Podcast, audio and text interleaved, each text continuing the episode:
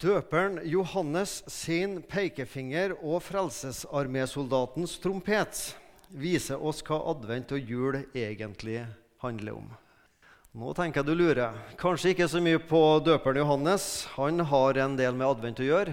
Men vi skal innom en frelsesarmésoldat også. Så får du leve litt i spenninga på det. Vi befinner oss i år 30. Eh, vi er med Jordanelva, like ved byen Jeriko. Og Der dukker det opp en ganske spesiell person som eh, ser litt spesiell ut, rett og slett. Og det kommer eh, ganske mye folk til mm, denne personen for å bli døpt. Så hvis disse folka så for seg en prest i hvit skrud og alba eller stoler og mm, eller en eh, dresskledd eh, pastor som skal døpe, så, så ble de nok skuffa. For han ser ganske spesiell ut. Og hvis de i tillegg forventer seg å høre noe velsigna, gode, velformulerte, flotte, sukra ord, så blir nedturen desto større. Fordi eh, de orda som denne døperen bruker, den kan på mange måter nesten skremme vannet av folk. Nå skal vi lese fra Lukas kapittel 3, vers 7-18, som er søndagens, eh, dagens eh, prekentekst. Så jeg skal si litt om den først, og så skal jeg si litt om advent etterpå. Døper Johannes sa da til folket som dro ut til ham for å bli døpt av ham, ormeyngel. Hvem lærte dere å flykte fra den kommende vrede? Bær da frukt som er omvendelsen verdig Begynn ikke å si til dere selv, 'Vi har Abraham til far'. For jeg sier dere, Gud kan vekke opp barn for Abraham av disse steinene. Øksen ligger allerede ved roten av trærne. Hvert tre som ikke bærer god frukt, blir hogd ned og kastet på ilden. Folket spurte ham og sa, 'Hva skal vi da gjøre?' Han svarte dem og sa, 'Den som har to kapper, skal dele med den som ingen har.' 'Den som har mat, skal gjøre likeså.' Også noen tollere kom for å bli døpt, og de sa til ham, 'Mester, hva skal vi gjøre?' Han sa til dem, 'Krev ikke inn mer enn det dere har fått pålegg om.' Også noen soldater spurte ham og sa, 'Og vi, hva skal vi gjøre?' Han sa til dem, 'Press ikke penger av noen med vold eller falske anklager,' 'og la dere nøye med den lønnen dere har.' Folket gikk nå i forventning, og i sitt hjerte grunnet alle på om Johannes kanskje skulle være Messias. Da svarte Johannes dem alle og sa, 'Jeg døper dere med vann.' Men han kommer som er sterkere enn jeg. Jeg er ikke engang verdig til å løse skoremmen hans. Han skal døpe dere med Den hellige ånd og ild. Han har sin kasteskovl i hånden for å rense treskeplassen og samle hveten i låven. Men agnene skal han brenne opp med uslokkelig ild. Han ga også mange andre formaninger til folket og forkynte evangeliet for dem. Døperen Johannes møter folket med 'omvend dere', ormeyngel. Det er dåpsgudstjeneste ved Jordanelva. Og Jeg har hatt en del dåpsgudstjenester her, og jeg har vært på andre dåpsgudstjenester i Norske kirke. Men jeg har ennå til gode å høre presten ønske velkommen til dåpsgudstjeneste med å si 'ormeyngel'. Jeg og prester med meg sier 'kjære menighet, velkommen'. Johannes møter folket med ormeyngel. Snakk om å ta livet av god stemning. Kan du tenke deg hvis jeg hadde ønska dere velkommen hit, ormeyngel? Da, da vet du hva som er stått på framsida i Stavanger Aftenblad i morgen. liksom. Ja, Da hadde jeg fått en telefon fra dem i dag. Hva er det dere driver på med i misjon? sa han. En original forkynner, en hippiekledd mann med litt rufsete hår, som spiser gresshopper og vill honning. Det er litt sånn vi ser for oss døperen Johannes når vi hører det ordet. Da hopper gjerne det bildet der opp i, inni oss av han. Men én ting er altså hans ytre, hvordan han går kledd og spiser, som er ganske spesielt. Noe annet igjen er altså de ordene han bruker. Vreden, hugges ned, kastes på ilden. Ormeyngel. Han refser et folk som mente at deres gudsforhold var rett, siden de tilhørte Abrahams ett. Ja, men vi er jo en del av Abrahams ett, så da har vi det jo greit med Gud. Nei, du må ikke komme her og komme her. jeg er sikker på at døperen Johannes hadde sunget hvis han hadde levd i våre dager.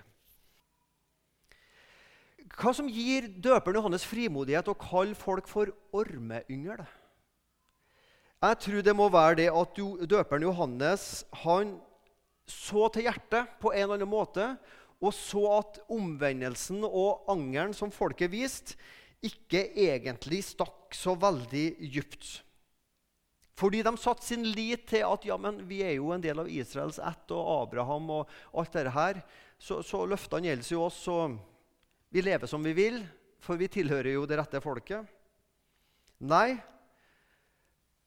Hvis dere virkelig mener omvendelse og angrer deres synder, så vil jeg se det i livet deres, hvordan dere lever. Hva med hjerteforholdet? Hva med livsførselen? Et skarpt og dyptpløyende blikk har døperen Johannes. Han ser til hjertet og livsførselen. Og det er som han sier til folket, hvis du virkelig mener at du vil omvende deg til Gud, så begynn å dele klær og mat med dem som ingenting har.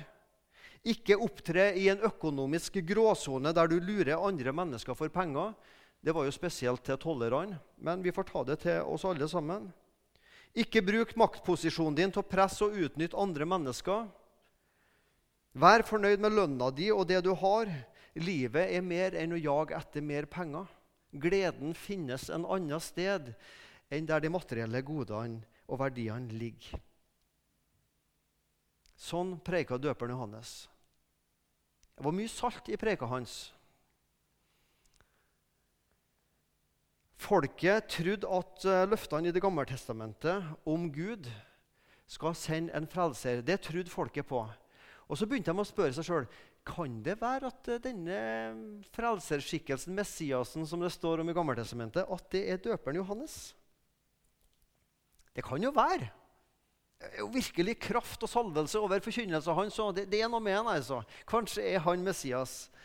Og så sier døperen hans nei, det er ikke meg.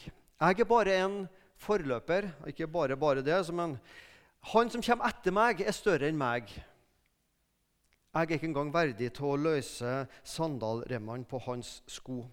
Han Jeg preker nok ganske kvast, sier døperen Johannes egentlig. Men han som kommer etter meg, han skal døpe dere med hellig ånd og ild. Har du tenkt på det uttrykket? Døpe med hellig ånd og ild. Hva er det døperen Johannes mener? Vi kan lett tenke på pinseunderet, når Jesus og Gud sendte sin hellige ånd til folket og sånn sett døpt folket med Den hellige ånd og ga Den hellige ånd til de troende.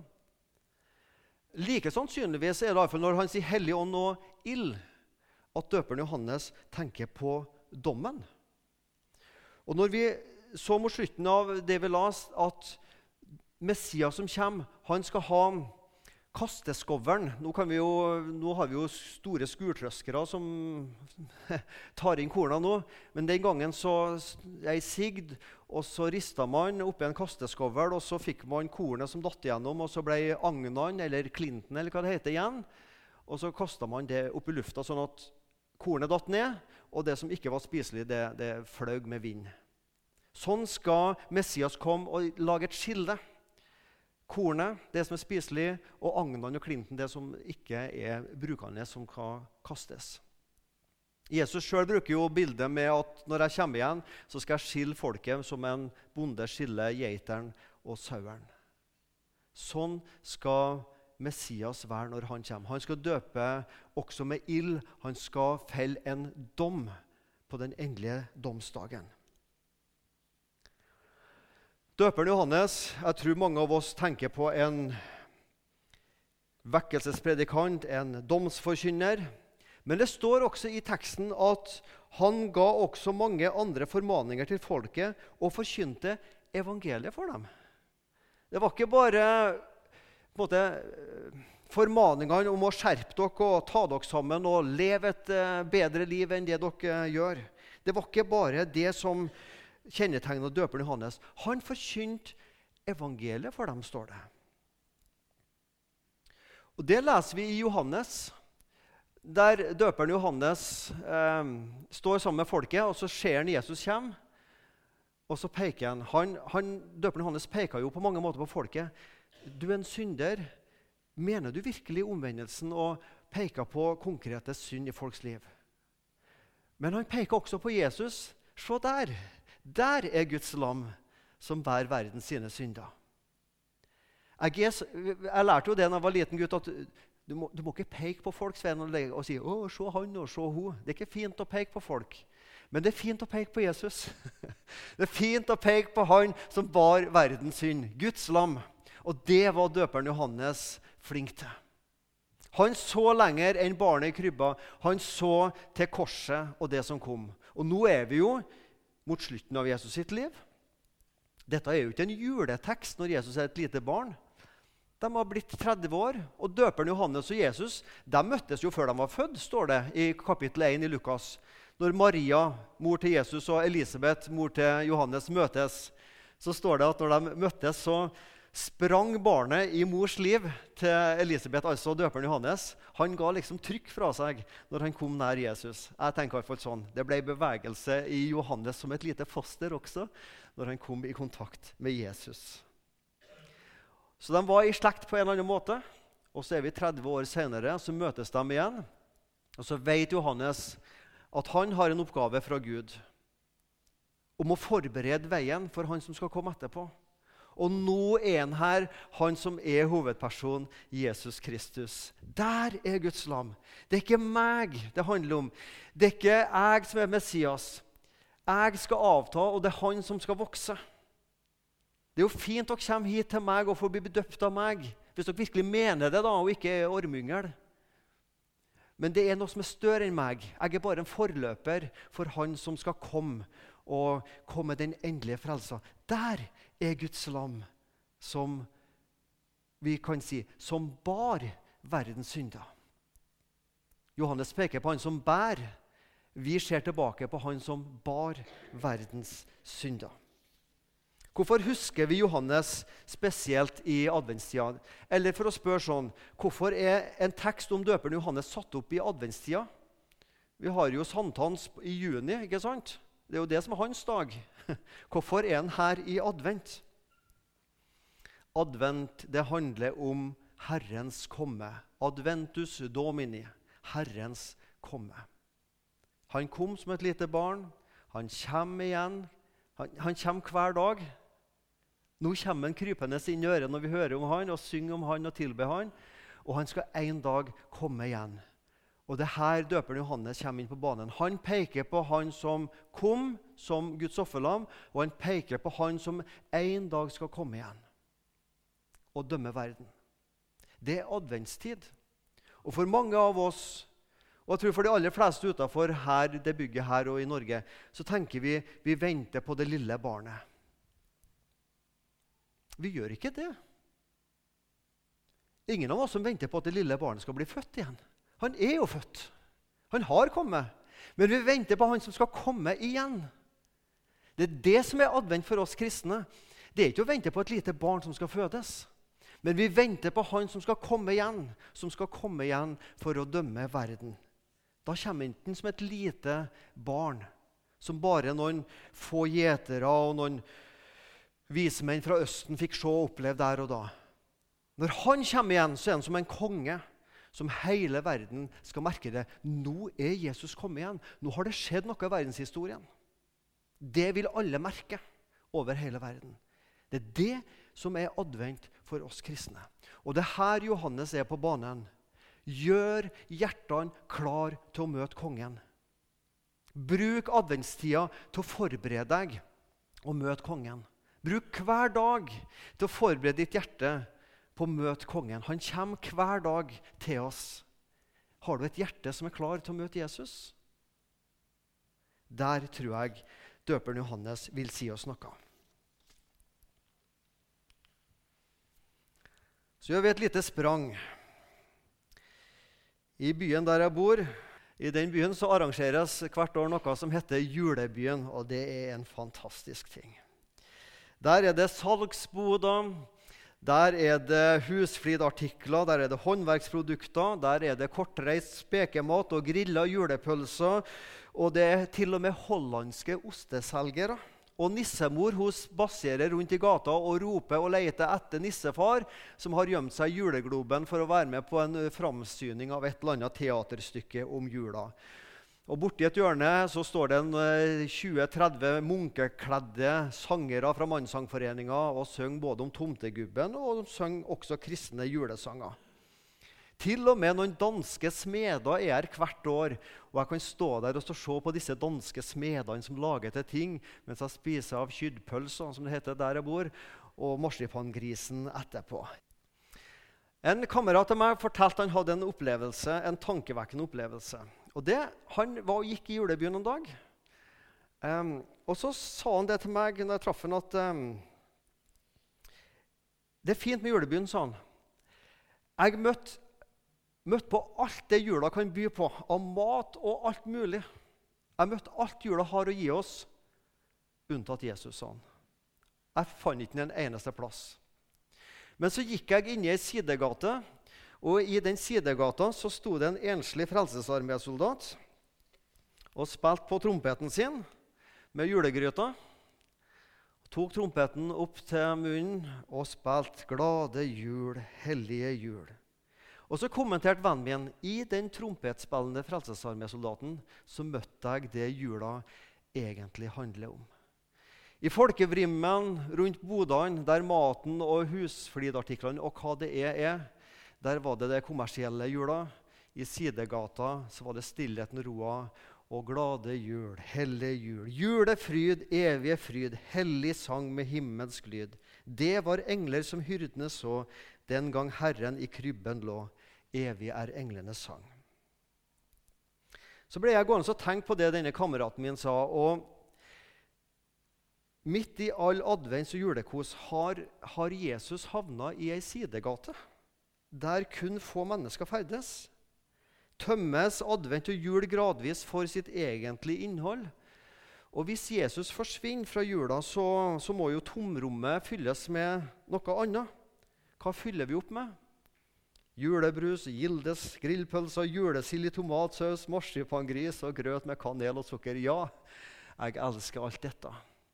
Så det er ingenting negativt om det. Men verken det som metter magen, eller gavene som stiller vårt materielle sult og tørst, kan fylle våre mer dype og grunnleggende og varige behov. Salig fred, himmelsk fred, toner julenatt her ned. Engler bringer til store og små bud om Han som i krybben lå. Fry deg hver sjel han har frelst. Denne enslige frelsesarmé-trompetisten spilte hva jula egentlig handler om. Spill det om igjen. La oss synge det om igjen. La oss synge og spille Jesus ut av ei folketom sidegate og inn på torget der folk er. Midt i julas forberedelse i adventstida La oss ikke miste julas egentlige innhold. Advent, Jesu komme, og, men også om det å vente. Og ikke ta på forskudd. Vi er ikke helt uvant med å vente, er vi det? Du har vel stått med en busstopp eller et togstopp og venta på toget eller bussen, sett på klokka. Det er kjedelig å vente. Forferdelig kjedelig. Men det kan også være gledelig og kjekt å vente. Tenk bare at hvis du har et barn som studerer en annen plass i landet, som har lov til å komme hjem til jul, og du kikker på klokka, eller du kikker på datoen kanskje da, at nå er det bare ei uke igjen, nå er det bare tre dager igjen, så kommer studenten hjem. Da er det kjekt. Da er det flott å vente. Advent er ei ventetid. Vi venter som sagt på Han som kom, og som kan komme hver dag og som en dag skal komme igjen. Ta ikke jula på forskudd. Jeg tror For mange av oss så føles det som om jula starter første søndag i advent. Og når vi har eh, eh, pakka opp de siste pakkene på julaften og spist siste biten av marsipangrisen før vi legger oss, så kjenner man nesten at nå er jula ferdig. Og Så får vi hvile oss en par dager, og når tredje juledag er tilbake igjen, og liksom nå starter hverdagen. Nå karikerer jeg, det skjønner dere. Men jeg tror for mange så oppleves litt jula sånn. Og så starter liksom julestresset. Første søndag i advent, og så er det alt som må gjøres. Og så er vi så sliten når jula endelig er her, og så har vi gått glipp av sjølve gaven. En forfatter som heter Vera Molland, hun skriver følgende.: Man skal ikke komme uforberedt til det aller helligste. Den som skal møte barnet i krybben, bør vite hvem han er, for å kunne ta imot ham på en verdig måte. Og man må ha forberedt sitt eget sinn. Adventstid er ment å være forberedelsestid. Forberede sitt sinn. Tid til sjølransakelse, og gjerne også fastetid. Var det, det, var det advent var fra gammelt av. Det var i fastetid. Da skulle man eh, være sparsommelig med maten og alt mulig. Og så skulle det tas ut når det var kom jula. Men så, er, men så er det så vanskelig å vente. Jeg vil ha noe på forskudd. Jeg vil ha de gledene i adventstida, og vi vil pakke opp mange pakker også gjerne i adventstida. Det er så, det er så vanskelig å leve nøkternt og vente med ting. Det står ikke noe om adventstid i Bibelen som sådan, som det gjør med jul og påske og pinse. Det er vi i ettertid som har laga oss denne tradisjonen med denne høytida som kalles advent. Men Bibelen sier noe om det her med å vente og ikke ta ting på forskudd. Smak på disse tre ordene. Avholdende, forsakelse, vente. Avholdende, forsakelse og vente. Fikk du en god smak i munnen, eller kjente du at det var ganske tørr, de der ordene der? Altså? Dem har ikke jeg lyst til å smake så mye på. Nei, vi liker ikke å være avholdende og forsake og vente. Det er ikke så mye glede i utgangspunktet i de orda der. Vi liker ikke å vente som mennesker. Vi vil ta ting på forskudd. Jula fortrenger advent. Middagen må vi jo prøvesmake. Helga starter vi gjerne så tidlig med som mulig, og himmelens gleder vil vi erfare mest mulig av allerede her på jorda. For jeg klarer ikke å vente til himmelen. Det er så menneskelig å ta godene på forskudd, og det er så vanskelig å vente. Du skal få tre setninger med deg som du kan ta med deg som en hilsen fra meg i dag med advent og forberedelsestid. Vi må ta noen viktige valg når advent er her. For hvis vi ikke tar noen viktige valg, så bare dras vi med i det suget som er gjennom adventstida, og så dumper vi ned ganske slitne. Om vi ikke har vært slitne i adventstida, så er vi i hvert fall helt utkjørt når juledag er her. Vi må ta noen viktige valg som kan hjelpe oss å gjøre hjertene og hodene klar for en litt annerledes måned. For det første, se hver dag som en mulighet til å pleie forholdet til Jesus. En daglig liten stund med Bibel og bønn. Noen minutter med Bibel og bønn. Det hjelper, det også. Å holde hjertet varmt og hodet fokusert på et liv sammen med Jesus. Stå opp ti minutter tidligere da, og sette seg ned med en bibel og bønn. Se hver dag som en mulighet til å pleie forholdet til Jesus i adventstida. For det andre å være seg bevisst at noe kan faktisk vente etter jul. Det kan det, altså. Mye av det vi har lyst til å gjøre i jula, det kan vente til nyåret. Det kan vente til mellomjula. Det kan vente etter jul. La oss passe oss for at adventstida disse fire ukene blir ganske bånn pinne kjør, og så er vi utslitt når julaften kommer. Og for det tredje, vær bevisst på at søndagen er en annerledes dag. Uansett hvor travelt du har det nå i adventstida, ikke skipp det som har med å kutte ut det som har med å møte opp i bedehus og kirke å gjøre. Det er mange må gjøre før jul ting på denne lista vi har. Men ikke kutt ut på det å høre Guds ord forkynt og være sammen med andre kristne. Tre små ting som kan hjelpe oss å få en fokusert adventstid. Hver dag en mulighet til å pleie forholdet til Jesus. Noe kan vente etter jul, og søndagen er en annerledes dag. Kjære Jesus Kristus, takk for uh, døper Johannes, det han kom med. Takk for en frittalende predikant som um, avslørte menneskets synder. Takk for en frittalende predikant som avslørte virkelig din frelsesplan Gud, med å peke på Jesus som Guds offerlam.